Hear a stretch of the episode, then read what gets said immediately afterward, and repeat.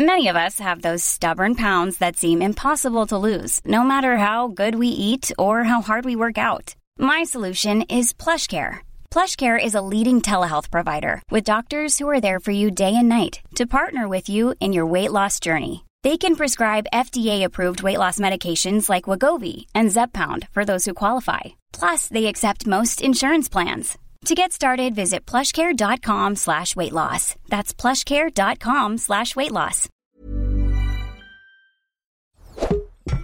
Tony Media.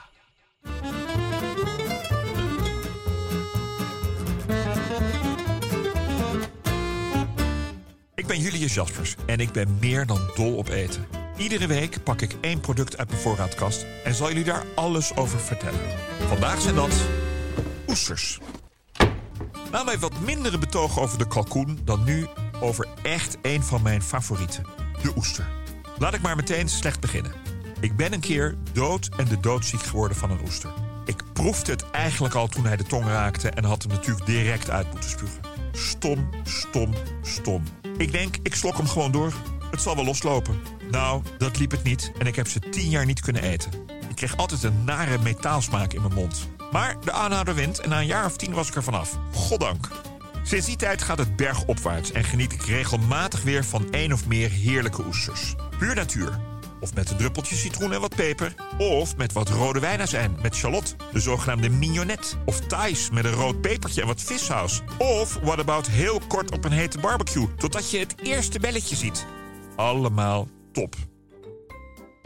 Een oester is een weekdier dat op de ondiepe bodem van de oceaan leeft. De schelp bestaat uit een holle schaal en een platte deksel waarin het dier leeft.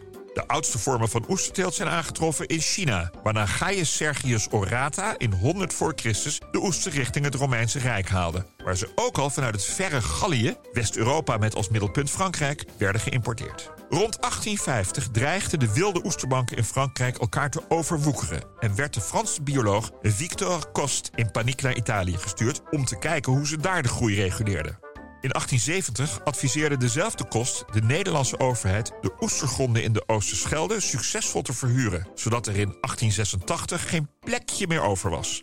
Ierseke groeide uit zijn jas en in 30 jaar groeide het dorp van 700 naar bijna 5000 inwoners. Je kon erop wachten. En ja hoor, in 1885 begon de crisis. De huurprijzen stegen, de oesterprijzen daalden. Er gingen een paar mensen dood aan bedorven oesters en ook de vraag daalde. Er kwamen betere regels en de markt leefde op. In de bizar strenge winter van 1963 speelden de problemen opnieuw op. Deze keer omdat 80% van de platte oesters bevroor.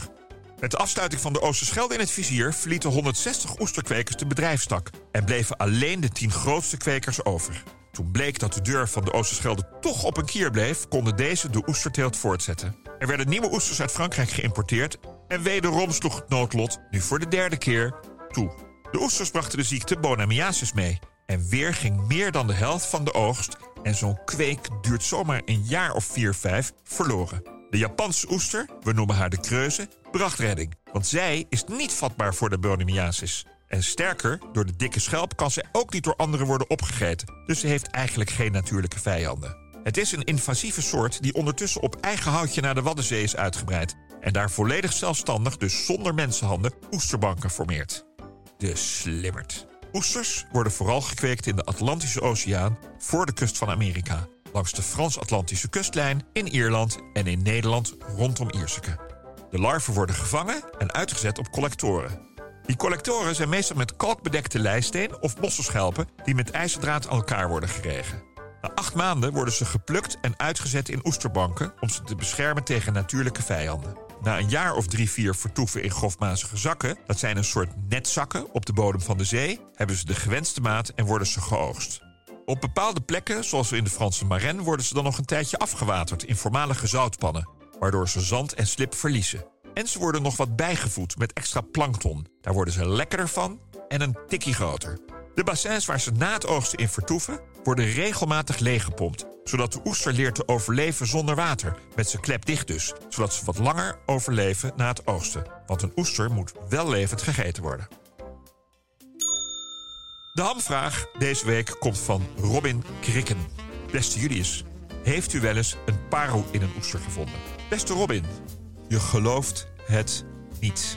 Maar niet ik, maar mijn vrouw Isabel heeft een keer bij Ron Blauw in zijn restaurant een parel in een oester gevonden. We wisten niet wat we meemaakten. Iedereen is erbij geroepen. Het was echt een parel. We hebben hem in een klein lucifersdoosje gestopt en naast onze tafel neergelegd. En we zijn hem keihard vergeten. Dus er loopt nu iemand rond met een pareltje van Isabel. Ja, ontzettend jammer. Ja, en dan is er nog een hamvraag die ook te interessant is om niet te behandelen. En die komt van Wesley Sterk. Beste Julius, moet je wel of niet kauwen op oesters?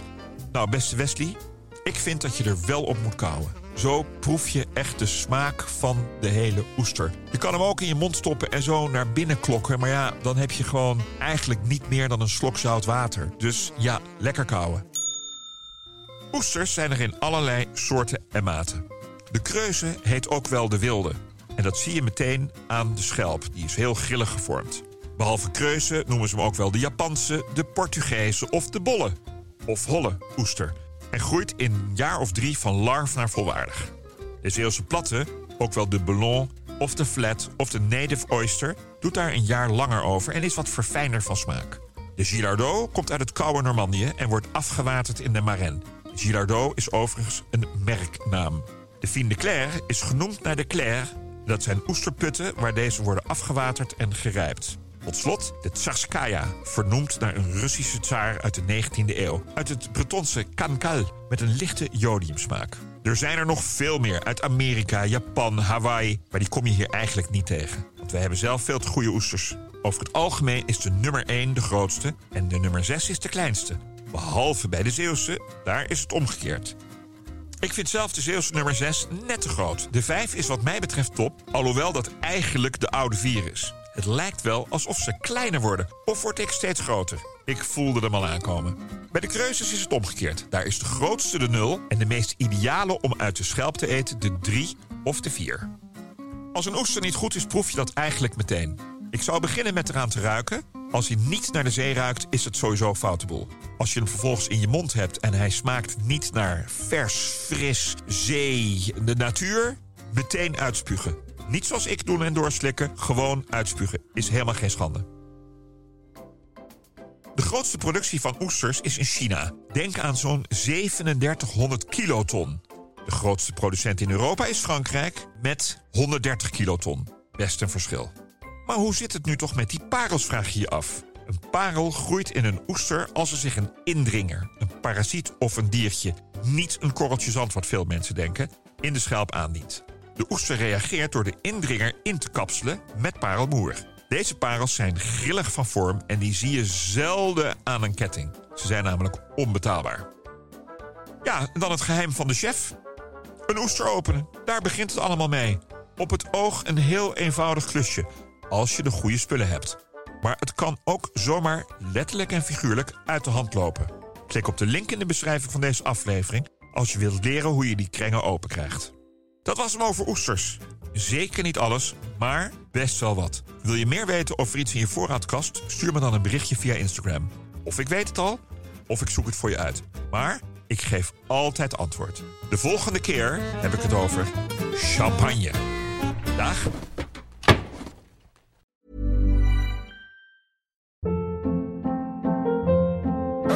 Hold up. What was that? Boring. No flavor. That was as bad as those leftovers you ate all week. Kiki Palmer here, and it's time to say hello to something fresh and guilt-free. Hello Fresh. Jazz up dinner with pecan-crusted chicken or garlic butter shrimp scampi. Now that's music to my mouth. Hello Fresh. Let's get this dinner party started. Discover all the delicious possibilities at hellofresh.com.